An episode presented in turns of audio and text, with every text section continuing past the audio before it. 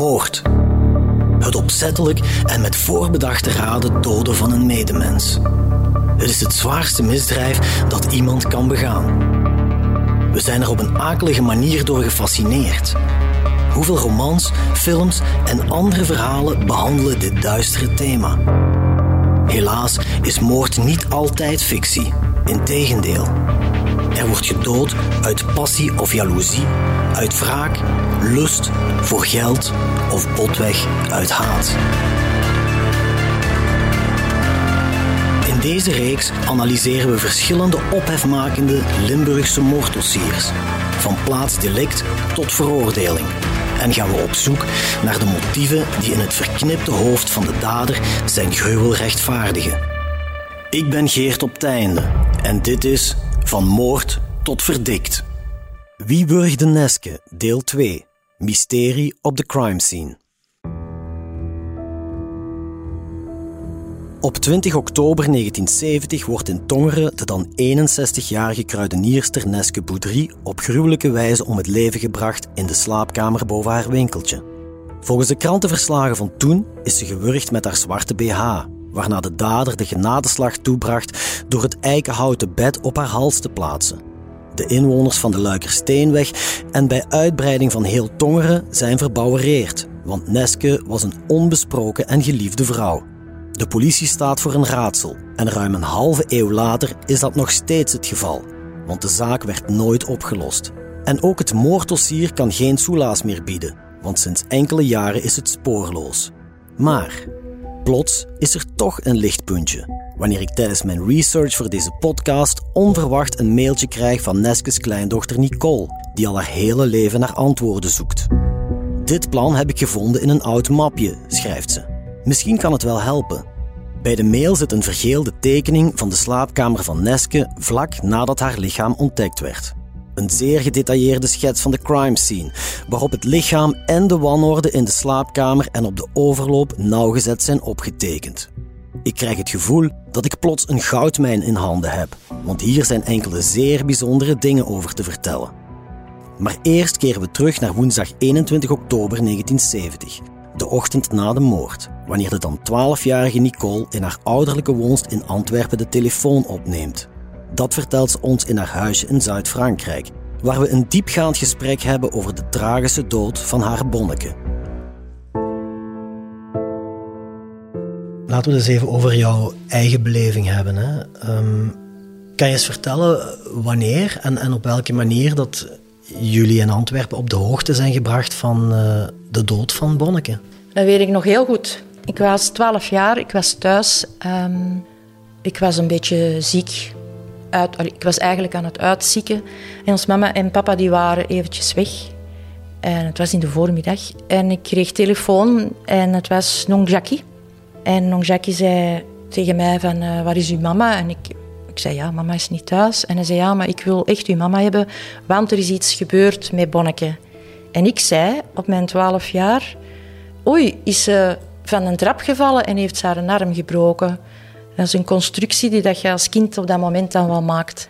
En ik hoorde dat hij begon te huilen en zijn, zijn, allee, zijn stem stokte. En ja, ik wist, eigenlijk, ik wist eigenlijk helemaal niet wat ik moest doen. En had ik het geluk dat ons mama en ons papa net terug thuis kwamen. Die hebben dan onmiddellijk de telefoon uh, overgenomen. En ja, dan zijn ze direct uh, snel beginnen schakelen. En hebben ze um, een huisvriend van ons opgebeld, omdat hij een auto had. En dan zijn ze onmiddellijk naar Tongeren vertrokken. Zijn jouw ouders zelf ook op de crime scene zelf geweest? En hebben ze jou daar ooit iets over verteld? Ik ga ervan uit dat ons mama en ons papa de crime scene wel gezien hebben, maar uh, het lichaam was, was al weg. Uh, ik denk dat de zus van mijn mama, Floor, dat die wel uh, Bonneke nog gezien heeft. En ons mama niet. Ik was daar achteraf ook wel blij om, allee, blij, tevreden mee, want uiteindelijk, wat zou het daar meer opgeleverd hebben?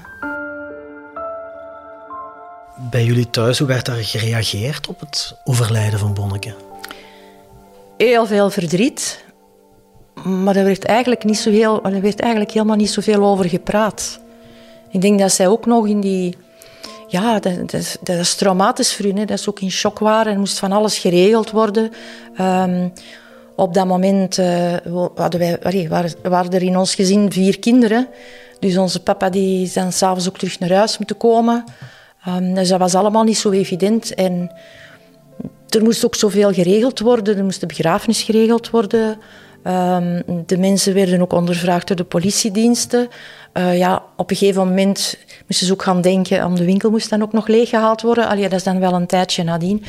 Dus eigenlijk was dat een verhaal op zich. Wij werden daar toch wel wat buiten gehouden. Ik denk dat onze ouders ons ook een stukje uh, wilden beschermen daarin. Dat was natuurlijk ook wel zo in, in die tijd. Hè. Er werd weinig over gesproken. Um, maar het ging hier natuurlijk niet om, om een natuurlijk overlijden, ook niet om een ongeval. Het was duidelijk moord al van, van het eerste moment dat het lichaam ontdekt werd. Werd er op dat moment al binnen jullie gezin gespeculeerd over wat er gebeurd zou kunnen zijn of wat de aanleiding geweest zou kunnen zijn? Ik denk dat dat eigenlijk eerder, als, zoals ik het gehoord heb, dat het eerder achteraf, na een zekere tijd, gebeurd is dat ze, ja, zoals ik dat dan noem, constructies bouwden in, in zichzelf, uh, om, omdat, ze eigenlijk zochten, omdat ze eigenlijk zochten naar een antwoord. En ja, dan, dan gaat iedereen in uw buurt eens de revue passeren van zou die het kunnen gedaan of zou die het kunnen gedaan hebben. Maar ik denk dat dat ook te maken had met het verlies, ook in, het verlies van vertrouwen en het feit dat zij, omdat slachtofferhulp toen niet aanwezig was, en, en op den duur het vertrouwen zijn verloren, ook in, um, uh, in, in, justitie, in het gerechtelijk apparaat. Terwijl dat misschien achter, achter de schermen die mensen keihard hun best hebben gedaan, maar dat weten die mensen als slachtoffer, weet je dat dus niet. Dus en dan, ja, denk ik dat er, dat er wel namen zullen gepasseerd zijn. Um, maar ik merk toch ook wel, als ik er achteraf op terugkijk, dat bijvoorbeeld iemand als, als tante Floor, de, de tweelingzus van ons mama, ook gewoon een heel ander karakter, een heel andere persoonlijkheid had dan ons mama. Ons mama was meer een ingetogen vrouw en uh, Floor was meer de emotionele type. En die zou ook al wel sneller zo van die uitspraken gedaan hebben, zou het die persoon of die persoon of die persoon kunnen geweest zijn. Ja, hoe, hoe, ging het met jou persoonlijk in die dagen? Wat, ging er door jou heen? Want je had toch wel een hele goede band met haar, hè? Ja, zeker. Een heel goede band. Uh, ja, wij moesten naar school. Hè. Dus de, het dagelijkse ritueel van s morgens opstaan en naar school gaan met je boekentas, de fiets op, dat bleef gewoon behouden. En ik ben dan op school aangekomen en mijn juffrouw van de klas, die stond op haar trede en die vertelde dat Bonneke, dat verhaal van Bonneke. In het kort vertelde ze dat. En dan gingen we verder met de les. Dat was het. Dus ik was daar eigenlijk helemaal alleen in. Bij mijn jongere zus was dat nog veel erger. Want die is in de klas gekomen en um, die vrouw die geloofde haar niet. Dus mijn zus zei van, ja, mijn oma is vermoord. En die, allee, die vrouw die zei, nee, je bent aan het liegen. En uh, het was pas achteraf dat er een andere juffrouw met uh, krantenknipsels, of de krant was gaan halen, denk ik. En dat ze dan zich daarover gebogen hebben en gezien dat het echt wel waar was. Hoe ging jij daar emotioneel mee om, die eerste dagen, die eerste tijd? Oh. Eerst was, eerst was dat, ja, is, dat, is dat de shock. Ik ben alleen. Hè. Dat is een, een, een gedachte die dat gevormd. Ik ben hier alleen. Um, en de volgende dagen, dan... Ik denk dat ik iemand was die al heel snel uh, onbewust een rol heb gekozen om in dat gezin te gaan zorgen voor de ander. De ouder worden van de ouder. Dat noemen ze parentificatie. En dan zit het woordje parent in. En dan gaat een, er is niks mis mee een kind dat voor de ouders tijdelijk gaat zorgen, als die, als, zolang dat, dat niet boven de, de draagkracht gaat. Maar ik, weet, ik herinner mij dat dat wel eh, een hele moeilijke periode was, ja. Mhm. Absoluut. Zaterdag 24 oktober vindt de begrafenis plaats. Heb je daar nog recollectie aan? De begrafenis, uh, daar mocht alleen mijn oudste zus en ik aanwezig zijn. En dan de jongste kinderen moesten dan thuis blijven. Um, ik herinner mij dat de kist opgebaard was in de, in de gang van de winkel. Daar stond de kist. En dat er dan een hele lange stoet... En ik, als ik het juist inschat, zal die stoet toch wel een half uur hebben geduurd. Tegen dat je dan aan de Sint-Janskerk in Tongeren zei, dus van de Luikersteenweg naar de Sint-Janskerk. Ik herinner mij dat er heel veel mensen waren, ook heel veel mensen die op straat stonden, dus niet alleen in die stoet. Hè. Um, ik herinner mij ook dat ik uh, hoe rustig, door, hoe rustig kind ik in normale omstandigheden ook was, dat ik toen op een gegeven moment heel erg kwaad was. En dat kwam omdat er voor ons liepen er dames, allee, aangetrouwde familie of zo, ik, ik, weet niet wie dat, ik weet niet meer wie het was, liepen daar dames en die waren aan het, in mijn perceptie aan het roddelen. En ik werd daar zo kwaad over dat ik uh, heel erg hard uh, signaal gegeven heb dat dat moest stoppen.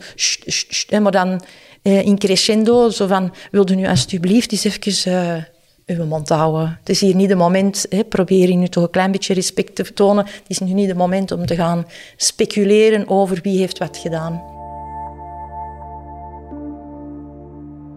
De moord op Neske Boudry slaat in Tongeren in als een bom. Ze was dan ook een publiek figuur, gekend en geliefd in heel de buurt. Tongenaren uit die tijd die geen herinneringen hebben aan de vriendelijke winkeldame, die zijn dun gezaaid. En ook zij speculeren over wat er gebeurd zou kunnen zijn, daar in die slaapkamer op de Luikersteenweg. Mijn naam is Lambrix Cyril. Ik ben de zittingsdeurwaarder op het Hof van Assise en de rechtbank van eerste aanleg in Tongeren. Op de dag van de feiten uh, de moord van Neske Boudry was ik 31 eh, jaar. Ik kende Neske van in mijn schooltijd. Uh, ik ben afkomstig uit Nerem en ik ging in het kleine college, in het lagere, toen nog een kleine college, aan de klinieken Tongeren naar school. En na schooltijd kwamen we met de kameraden afgereden langs de hippodroom en zo naar Neske, omdat Neske een snoepwinkel had. Dan gingen wij snoep kopen. Uh, Neske was een heel, heel vriendelijk, fijn madameke. Heel koket en lief. Neske had een heel lief karakter. Als aan een zak binnenkomen, dan was het... Hé, hey, de jongens, en moet je weer snoep hebben? En wat moet je hebben? En we kregen soms wat meer dan dat we konden betalen. Hè. Zo was Neske. Hè. En Neske verkocht sigaretten, losse sigaretten. Twee sigaretten voor één frank. En dan gingen we op de motor een rondje rijden en dan gingen we naar huis. En dat was zo bijna elke dag hetzelfde. En ik was dan ook, uh, moet ik zeggen, uh, mijn ouderdom toen, ik, ging, ik was al getrouwd, toen ik hoorde dat Neske vermoord was, ik kon dat niet geloven. Ik kwam van mijn werk. Ik, en uh, mijn vrouw, ik was toen al getrouwd, mijn vrouw zegt tegen me, weet je wie dood is in Tongeren? Wie ze vermoord hebben? Ik zeg, zou het niet weten, hè? Neske Boudry. Ik zeg, maar dat kan toch niet? Wie heeft niet zoiets gedaan? Ja, men weet het niet, maar hè, Nesken is dood. Ik zeg wel, alleen nu. En ik was er even nog wel niet goed van hoor. Ja, omdat ik eh, dat mens heel goed gekend had in mijn jeugd. Hè. Ik denk hier in Tongeren dat niemand dat verwacht had. Hè. Niemand niet, hè, want Neske stond goed aangeschreven overal. En Neske had geen vijanden, hè. Neske had geen vijanden, hè. Toch moest Neske dood, zo blijkt. Waarom? En vooral, wie had daar baat bij? De speculaties daarover, die laten nog heel even rusten. Maar om goed te kunnen begrijpen waar Neske vermoord werd en hoe ze precies om het leven is gekomen, moeten we meer te weten komen over hoe haar winkeltje eruit zag. Net als de buurt waar het gelegen was. Hoe het eruit zag op een Luikersteenweg, ik herinner me dat nog goed aan een Velingstoren. Daar was dan op de hoek, daar was dan uh, het naaimachine, winkeltje van Arkens. En daartegenover was dan, op de hoek van de Luikenstraat, was dat allemaal, daar was dan café SOS. En dan had men het ijsfabriek, was redelijk groot. En langs het ijsfabriek, als ik me goed herinner, was dat het huis van notaris Delvin. En dan was Neske, en dan lagen dat dan nog huizen een beetje verder. Dat herinner ik me nog heel goed ja, het winkeltje, dat was één venster, hè, één etalage buiten. En daar stonden flessen en van alles stond daar op, op rekjes voor de venster. En uh, van binnen, ja, dat was uh, op zijn ouderwetse een toonbank. En, en rekken met van alles erop. Uh, waspoeder en, en, noem maar op. En etensmiddelen en zo. Hè. Dat stond er allemaal. Hè. En, en drankflessen. En het was niet te groot. Zal, hoeveel zal dat geweest zijn? Een meter, vier meter op drie, denk ik. groter was dat niet. En in het midden hing daar een peer van een lamp. Uh, zo, zo, zag het eruit. Hè. Die zogenaamde ijsfabriek waarover Cyril spreekt, verdient wat uitleg. Want later in dit verhaal zal Eugène, de uitbater van dat bedrijf, een rol gaan spelen. De fabriek produceerde in die tijd, toen er nog geen elektrische diepvrieskisten bestonden, grote ijsblokken die moesten zorgen voor de koeling van etenswaren en drank in cafés en winkels. En dus ook in de kruidenierszaak van Neske Boudry. De ijsblokken dat waren door de ogen van een kind zouden kunnen zeggen dat die een meter lang waren. Maar misschien was dat korter, want dat is een andere ik het zeggen, dat is de perceptie die je op dat moment hebt. Hè. En dan zag je dat er mannen kwamen en die hadden dan die, die grote ijsblokken op hun rug. Die liepen voorovergebogen, die ijsblokken op hun rug. Dat was dan een diepvrieskist, zonder dat die aangesloten was op elektriciteit. Die blokken ijs werden daar ingelegd. En dan zag ik um, een bonnetje daar, ja, flesjes cola en zo. En alle producten die ze moest bewaren, werden daar dan ingelegd. Nog even terug naar het winkeltje. Ook Nicole herinnert zich nog goed hoe het er in die tijd uitzag. Als een café naast, ja. Um, en aan de andere kant denk ik dat er dat, dat meer herenhuizen waren, zoals ik het mij herinner. Hè. En dan uh, ook het, uh, het huis van de notaris Delvigne zal daar ook gelegen hebben. Hè. Maar ik herinner mij vooral het beeld van de winkel zelf. Dus de muren van buiten wit geschilderd en daar hingen overal reclamepanelen van, van onder andere van drank zoals Coca-Cola en sigarettenmerken en zo. Dus dat hing daar allemaal aan dat geveltje. Hè. Dus als je, als je voor de winkel staat, dan, dan zag je uh, wit gekalkte of wit geschilderde muren. Er was een deur. Rechts van de deur was een vitrine. En daar kon je dan ook al zien dat daar flesjes op stonden, allerlei flesjes, drankjes. En links van de deur was ook een raam, maar daar lag de voorraadkamer. Dus eigenlijk als je de deur van de winkel opendeed, dan zag je voor jezelf een gang. En als we naar rechts draaiden, dan zagen we daar Bonneke staan, achter haar toonbank, in het winkeltje. En als je naast de toonbank keek, daar stonden allemaal van die grote glazen bokalen met karamellen in uh, witte suikerlaagjes en allerlei soorten snoepjes. En op de toonbank zelf was er ook een, een, eh, een stukje in glas bewerkt. En daar onder dat glas kon je zien dat ze ook hele kleine spulletjes verkocht, zoals knoopjes en schaartjes en een portemonneetje. Achter Bonneke was een rek met allemaal sigarettenpakjes. En dat waren sigarettenpakjes waar dat dan die kleine pakjes met tien sigaretten. Links in de winkel was er een, mogelijkheid om naar haar uh, woonplek te gaan eigenlijk. Waar dat dan eigenlijk niet zo heel veel in stond. Buiten een, een zetel voor drie à vier personen achteraan. Uh, in midden stond er tafel en haar stoelen. Een kastje stond er. En nog een oude telefoon die aan de muur hing. Dus eigenlijk, als zij telefoneerde, dan was dat altijd rechtstaand. Uh, daar stond haar tv-toestel. En dus van het moment dat, uh, dat het avond was en dat het bijna acht uur was, dan zette ze zich aan de tafel en dan nam ze een schriftje, een, met van die ringetjes, een ringschriftje. En daar schreef ze dan op haar, uh, wat dat ze verdiend had. Ja, dus als je de deur van de woonst winkel binnenkwam, hè, dan, dan had je een soort van gang. En aan de rechterkant was het winkeltje dan. Was het winkeltje, Aan de linkerkant was een, een opslagplaats. Ja, een voorraadkamer, voorraadkamer. ja. Voorraadkamer. Mm en dus als je de voordeur binnenkwam, dan had je een soort van gang. En daar kon je dan verder naar achter? Of, uh... Ja, als je, als, je voor, als je de voordeur binnenstapte en je keek voor je, dus de gang, en op het einde van de gang kon je ofwel een deur open doen om naar een veranda te gaan, waar dat ze mhm. ook haar, haar uh, afwas deed. En uh, daar stond ook een tafel, daar was ook een toilet. op het einde van die gang naar links zag je de trap naar boven. Dus dat was eigenlijk de trap naar het eerste verdiep. Ja, waar haar slaapkamer dan daar was. was ja, daar was, daar was haar slaapkamer en daar was ook een, uh, een hele grote slaapkamer die het daarnaast lag.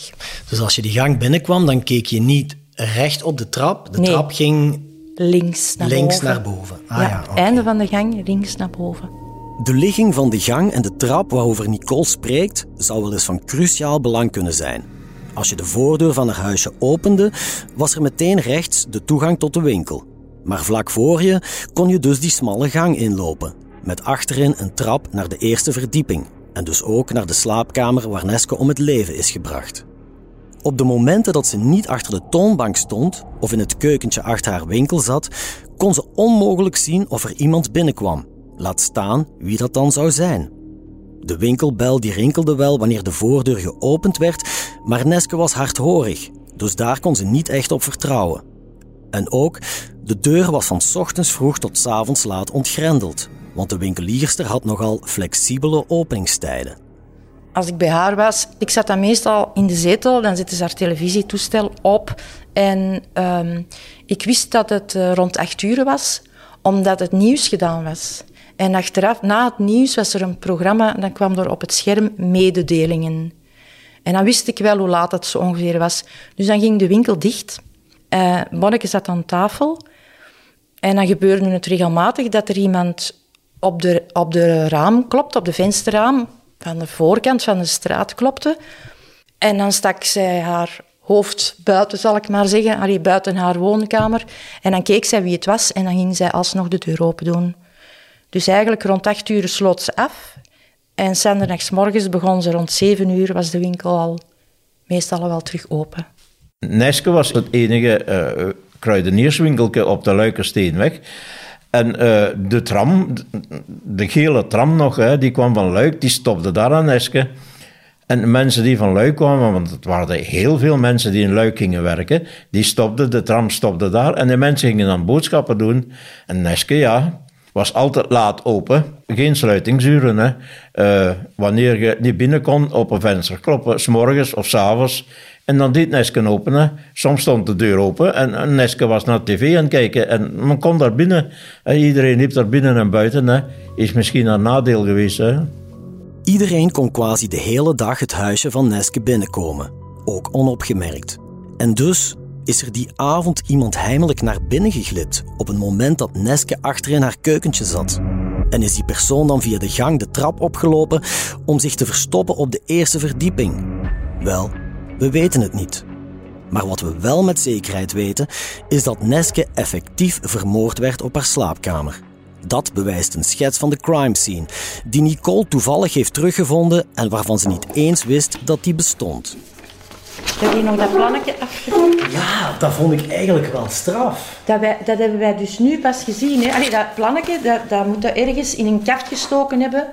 En ik denk dat ze dat plannetje hebben gehad na, uh, nadat het gebeurd was of zo. Een tijd daarna zal, zullen ze dat in handen gekregen hebben en dan hebben ze dat gewoon bewaard. Dus ik vond dat ook wel straf. Twee dagen voor mijn reis naar Frankrijk stuurt Nicole mij het plannetje via mail getekend door een landmeter, op een schaal van 1 op 25, met de exacte afmetingen erbij. Het is een sensationele ontdekking, want deze officiële schets toont in detail hoe de crime scene erbij lag toen Neske gevonden werd. Om je een idee te geven, probeer ik alles nauwgezet te beschrijven. Niet altijd evident om te volgen zonder beeld, maar probeer je even voor te stellen dat we samen de slaapkamer van Neske binnenwandelen. En als je verloren loopt, geen probleem. Je kan de tekening van de crime scene er zelf ook bij nemen. Die vind je op hbvl.be slash neske. Oké, hier gaan we. Eerst en vooral is er de overloop. Een smalle gang van ongeveer 1,20 meter breed, die naar de verschillende kamers op de eerste verdieping leidt. En dus ook naar de slaapkamer van Neske. Op die overloop, vlak bij haar slaapkamerdeur, liggen enkele voorwerpen op de grond, zoals de linkerschoen van Neske en haar vals gebit. Aan het einde van de overloop is de deur die toegang geeft tot de slaapkamer. Wanneer je die opent, zie je meteen tegen de linkermuur de kleerkast staan. Als je recht voor je kijkt, dan staat er tussen twee ramen een dressoir tegen de muur van de straatkant, met links daarvan een kapstok. Rechts van het dressoir staat, in een hoek met de rechtermuur van de kamer, een wastafel. Het bed bevindt zich rechts van de deuropening. Nu moet je weten dat Neske in een ouder huis woonde en in die tijd hadden de slaapkamers niet altijd rechte muren, maar vaak ook heel wat hoekjes en kanten. Het bed bevindt zich in zo'n hoek en daardoor zie je het pas als je een paar stappen in de slaapkamer zet. Als je dat doet en je draait je om, dan zie je in een soort van inham het bed staan, waarvan het hoofd- en voeteinde en één lange zijde geprankt zijn tussen drie muren. Aan het hoofdeinde, tegen de linkermuur, wanneer je dus vanuit het midden van de kamer kijkt, staat een klein, rond nachttafeltje. Het lichaam van Neske is getekend in stippenlijn, waarmee de landmeter aangeeft dat hij de tekening maakte nadat het stoffelijk overschot verwijderd werd. Het lichaam ligt ruggelings op de grond, met het hoofd naar de deur gericht en de voeten naar het midden van de kamer. De buitenste poot van het voeteinde is op de hals geplaatst. En op het bed, ook aan het voeteinde, staat een schoteltje met daarin enkele sigarettenpeuken. Op de slaapkamervloer zie je een chaos van voorwerpen. Vlak bij het nachttafeltje, meer bepaald rechts daarvan, liggen de rechterschoen en het doosje van Neskes hoorapparaat. Aan de andere kant, richting de buitenmuur, liggen achtereenvolgens een wekker, een drinkglas, het hoorapparaat zelf en een fotolijst. Alles in een waaiervorm verspreid over de grond en het ene item verder weg dan het andere. Maar er is één voorwerp dat ik niet terugvind op de schets. Namelijk het moordwapen waarmee Neske volgens de verslaggeving van toen gewurgd werd. En dat is iets waar ik me al dagen het hoofd over breek. Ik wil jou eens iets laten zien. Je hebt mij hier uh, die schets doorgestuurd hè, van de crime scene. Ja. Je hebt ze een beetje uitvergroot zelfs. Ja, om alles duidelijk te kunnen Ah, lezen en te zien. Ja. En er is eigenlijk één heel belangrijk item wat ik daarop mis. En dat is? De BH. Ja, Ja, dat klopt. Ja. Zou dat nu kunnen dat die... ehm, dus die tekening van de landmeter is gemaakt ehm, op basis van de foto's. Dus het lichaam is weggehaald en de rest van de crime scene is gebleven. ja dat staat hier ook. Hè. Staat erop, hè? Dus daar staat Ja. hè, de slaapkamer van het slachtoffer, Ja. zoals ze zich bij de opmeting bevond. Hè, dus in de klopt. Mhm. originele staat. Enkel het lichaam was verplaatst. Ik zie daar nergens die BH liggen. Tenzij dat die, BH, dat die BH nog op haar lichaam lag door de, door, bij de wurging. Ik heb Imelda geïnterviewd. Ja. Hè. Zij is quasi meteen nadat het lichaam is ontdekt, hè, het- lag nog op de plaats, is zij met Trinette, de zus van Neske, Bonneke, ja. boven geweest. Ja. En zij is er stellig van overtuigd dat die BH op de overloop lag. Ah, dat wist ik niet. En waarom is ze daarvan overtuigd? Omdat ze zich glashelder kan herinneren dat ze met Trinette de trap is opgegaan, dat ze op de overloop zijn gekomen en dat Trinette heeft uitgeroepen ze hebben Bonneke uitgekleed, omdat die BH daar lag. Oké, maar dat wist ik niet. En staat er ook niet op. Maar wat is dan de reden dat dan die BH daar niet op getekend is? Ik heb er geen enkel idee van. Heeft er iemand die BH weggenomen en is dat, ik zeg maar, het, eh, mee in een doos gestoken? Geen idee. Ik weet het niet. Want ze noemen het ook altijd de BH-moord. Ja, Hè? klopt. Dan vind ik het heel vreemd dat het moordwapen, Ja, dat het niet zichtbaar is op de... juist. Juist. Het zou dus heel goed kunnen dat de dader haar wel gewurgd heeft, want dat staat in het autopsierapport stond dat ze is overleden door de wurging. En ja, je kan iemand ook wurgen met je blote handen, hè? Oké, even verduidelijken. De kranten schrijven in 1970 dat de speurders er stellig van overtuigd zijn dat Neske gewurgd werd met een BH. De zaak wordt dan ook niet voor niets de BH-moord genoemd. Maar als dat zo is, hoe kan het dan dat het moordwapen ontbreekt op de schets van de crime scene? Het belangrijkste bewijsstuk van de misdaad, dat niet vermeld wordt op de officiële tekening van de landmeter. Is Neske dan toch niet gewurgd met een BH, zoals Nicole redeneert? Ofwel, maar lag de BH dan misschien toch nog op Neskes lichaam, dat weggenomen werd voor de tekenaar aan de slag ging? Het zou een verklaring kunnen zijn, maar dat is het niet, zegt Imelda van Puinbroek. Zij is de schoondochter van Trinette, de zus van Neske, en zij zijn samen op de crime scene geweest toen Neskes lichaam daar nog lag. Dus als ik Imelda de schets van de landmeter voorleg, is ze zeer duidelijk.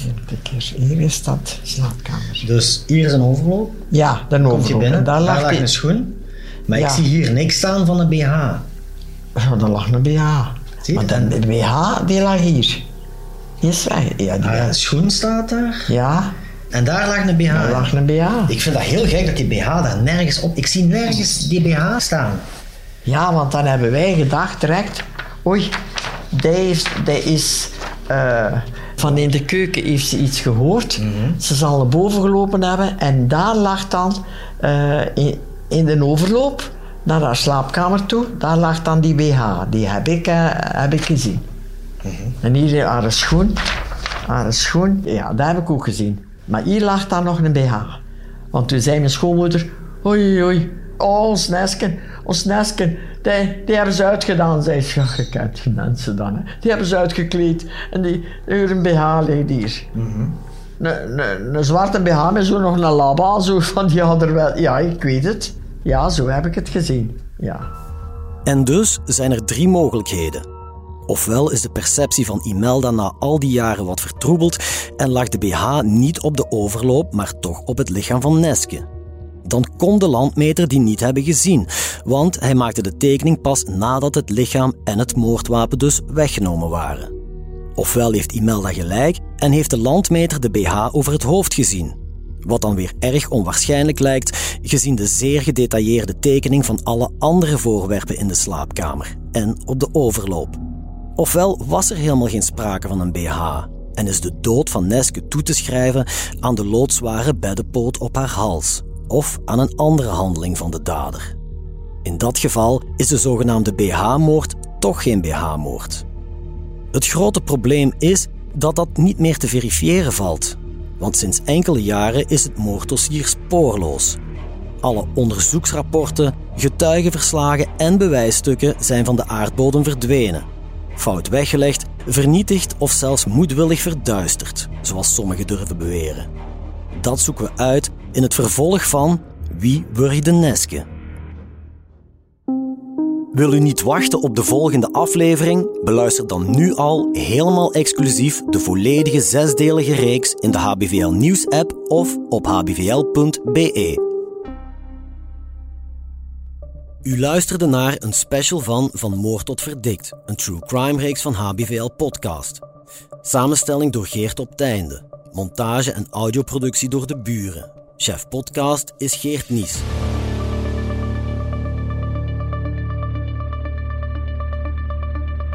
Reageren, dat kan via podcast.hbvl.be. Benieuwd naar wat er in de wereld gebeurt en wat dit juist betekent voor onze provincie? Ontdek onze voordelige leesformules op hbvl.be/voordelig.